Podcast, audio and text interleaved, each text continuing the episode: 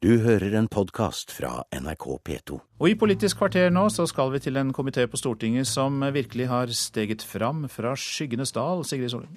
Men er kontrollkomiteen blitt en arena for markeringer og spill, eller gjør den bare jobben sin?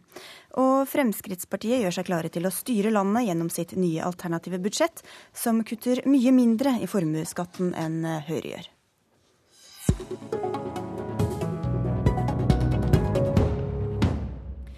Opposisjonen bruker kontrollkomiteen på Stortinget til å drive et uverdig politisk spill. Det var reaksjonen fra Arbeiderpartiet i går, da medlemmene fra KrF, Høyre og Frp, som utgjør flertall i komiteen, besluttet å åpne sak mot næringsminister Trond Giske. Bakgrunnen er bl.a. medieoppslag om at Giske prøvde å presse kameraten sin Tore O. Sandvik inn i styret i Telenor. Martin Kolberg fra Arbeiderpartiet, det var du som kom med denne spillbeskrivelsen. Tar det helt av fra opposisjonens side nå, syns du? I denne saken gjør det det. Det som jo er gjennomgående for kontrollkomiteen, det er jo at det er stor enighet om nødvendigheten av kontroll. Jeg tror 90% av de sakene vi har hatt i denne perioden, så har også eh, posisjonen vært enige om at eh, her var det nødvendig å gå inn og kontrollere. Men i noen saker eh, så er dette en riktig beskrivelse. Og jeg beklager det, for jeg mener at kontrollkomiteens autoritet og konstitusjonelle plassering ikke skal brukes som teaterscene til slike markeringer som de gjør i denne saken her. Men hvorfor er det teater og uverdig å prøve å finne ut av om næringsministeren har drevet et utidig press? Nei, det er, det, Hvis det hadde vært en tung realitet, så hadde jeg stilt meg bak en slik Det er slik, det de vil finne ut av, da? Ja, jeg hører at de sier det. Men de har fått veldig skikkelig svar fra ministeren på disse spørsmålene. Og de har stilt spørsmål som det er helt uriktig av komiteen å stille. Jeg har gått gjennom det i offentligheten flere ganger. Men det viktigste når jeg sitter her sammen med Per Christian Foss, det er å få fram at de ber om at det blir innledet en ny praksis. Nemlig at regjeringen skal fortelle Stortinget, når Stortinget måtte be om det, hva det er som er deres arbeid og innstillinger til hvem det er som skal sitte i styrene i statlige selskaper. Det vil skape en helt uholdbar situasjon for disse selskapene. De vil sette dem i såkalt spinn. Det vil legge dem ut for offentlighet. Og de som er kandidater til slike styrer, de vil da eh, komme i offentlighetens søkelys om de blir valgt, eller om de ikke blir valgt. Alle skjønner at en slik praksis kan vi ikke ha i næringslivet, for dette er en del av næringslivet. Og det alvorligste er, syns jeg, at Høyre nå ønsker å innlede en slik praksis. De gjør de sikkert ikke, det har de aldri gjort i regjering, det kommer de ikke til å gjøre i framtiden heller, men de skal kjøre dette løpet nå for å stigmatisere statsråd Giske, og det aksepterer jeg ikke. Ja, Per Kristian Foss fra Høyre, allerede introdusert. Du er saksordfører i denne saken. Hva svarer du på anklagene fra Kolberg? Jeg skjønner ikke helt eh, Martin Kolbergs voldsomme engasjement i dag.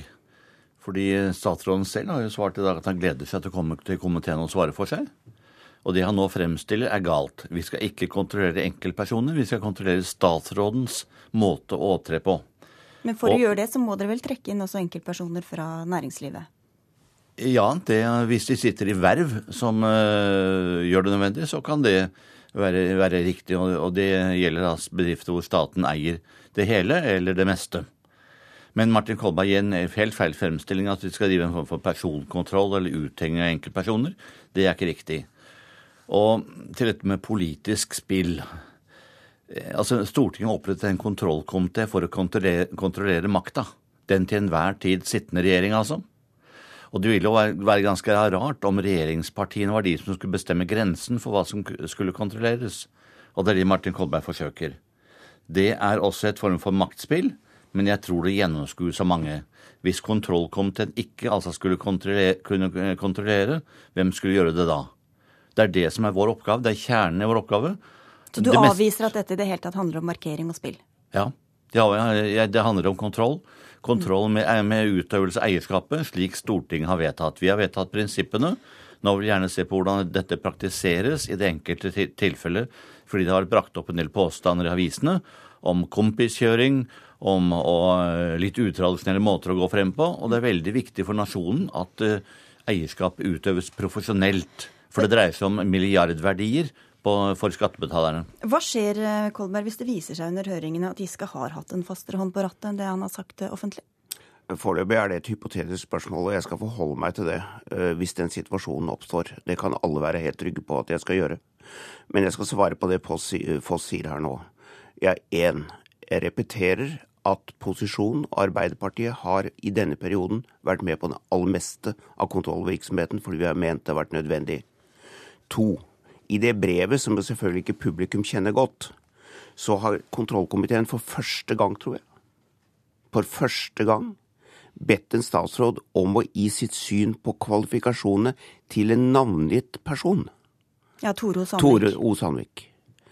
Det er jo eksempler på at det Foss sier her, ikke er riktig og ikke er sant. Det er enkeltpersoner de spør om. Hvorfor spør, han, spør de ikke om andre medlemmer? Hvorfor ber de ikke statsråden om å gi karakteristikker av andre han har foreslått? I hopetall, for dette her er jo i hopetall, det er mange som utnevnes løpende. Slik at dette er bare beviset på det jeg sier. De har stilt spørsmål de vet de ikke får svar på. De har stilt dem provokatorisk, nettopp for å oppnå den situasjonen at de kan åpne en høring for å drive dette politiske spillet. Det burde de ikke gjort, og derfor er jeg For da kan de si seg misfornøyd med svaret og, og, og ta saken videre? De kan videre. si at de er misfornøyd med svaret, og så kan de gå videre. Og akkurat det som skjedde i komiteen i går, de hadde ikke fått svar på de spørsmålene som de selvfølgelig ikke burde få svar på. For en statsråd kan ikke begynne å gi karakteristikker av enkeltpersoner. Og hvordan, hvilken situasjon skulle da valgkomiteer, skråstrek nominasjonskomiteer i de statlige selskapene kom i? Men, men for, som et næringsvennlig parti, hvordan kan dere forsvare å trekke inn uh, lukkede prosesser ut i, det, i åpne høringer? Jeg tror ikke så mange prosesser skal være lukket, uh, som du er inne på. Vi har ikke spurt om noen karakteristikker på Tore Sandvik, men grunnen til at Hans den har brakt frem, er jo fordi at statsråden selv har brakt han frem, og han er en ledende politiker i Arbeiderpartiet som valgkomiteen i Telenor mente ikke var kvalifisert for å sitte i styret i Telenor. Derfor er han sånn sett interessant. Jeg respekterer at statsråden vil nekte å si hvorfor han gjorde det, eller gi noen begrunnelse for det.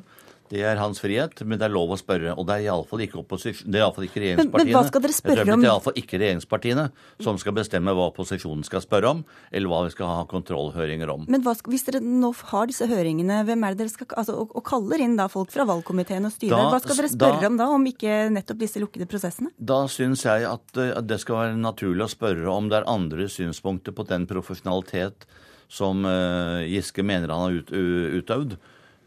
Han gir en seg selv karakterer og mener at han har opptrådt riktig.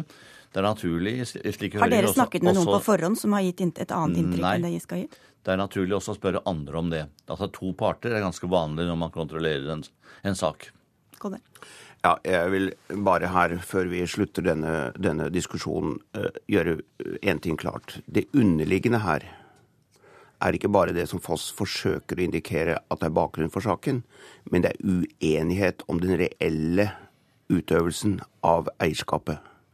Fordi det Trond Giske gjør, det er jo å forsøke å hele tiden sørge for at statens selskaper tjener to ting. Selskapets interesser og statens interesser. Det er derfor vi har statlig eierskap og statlige selskaper. Og han forsøker å få inn i styrene folk som blant annet kan håndtere dette forferdelige lønnsspørsmålet i staten. Så det er den politiske uenigheten Det, som er, ligger til grunn, mener det, du? det underliggende her er en politisk uenighet som, som er driveren her, ved siden av det som, eh, som eh, man forsøker Da å tror jeg plassere jeg er, som en sak. er mest egnet til å si hva jeg mener. Og jeg tror det er ofte lurt å vente med konklusjonene til man har begynt en høring, Martin. Og eh, nå skal vi begynne en høring, og gi- statsråden gleder seg til å komme og svare. Og så vil vi se på konklusjonene. Vi begynner ikke med konklusjonene. Men er det blitt for mye show og spill i kontrollkomiteen, Per Kristian Foss? Jeg har sittet der nå i syv, jeg er inne på åttende året, og det syns jeg ikke. Nei. Men med tanke på alle dere har dratt inn i høringer gjennom dette året, hva er det som har kommet ut av det?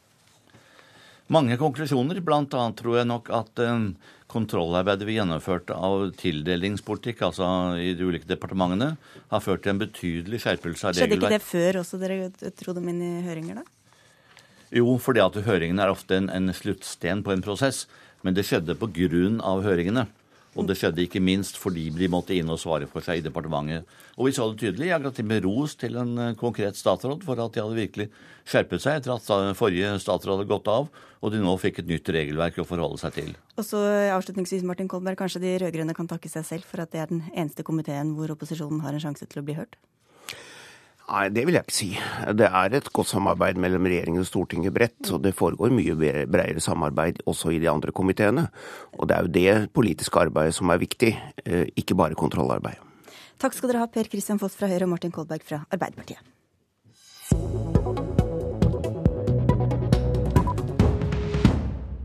De som har det travelt med å kutte i formuesskatten, gjør best i å stemme Høyre til neste år. I hvert fall går Høyre her langt mer drastisk til verks i kuttene i sitt alternative budsjett enn det Fremskrittspartiet gjør, og reduserer formuesskatten med tre ganger så mye som Frp. Ketil Solvik-Olsen, nestleder og finanspolitisk talsperson i Frp, velkommen. Takk for det. I dag legger du fram det alternative budsjettet deres. Hvordan stemmer opplegget for formuesskatten med det inntrykket dere har gitt av hvor drastisk dere vil gå til verks? Vi har sagt vi ønsker å fjerne formuesskatten i løpet av en fireårsperiode. Det betyr ikke at vi dermed forplikter oss til å kutte en fjerdedel hvert år. Vi vil ha et balansert eh, skattekutt eh, og se på de behov som er i norsk økonomi.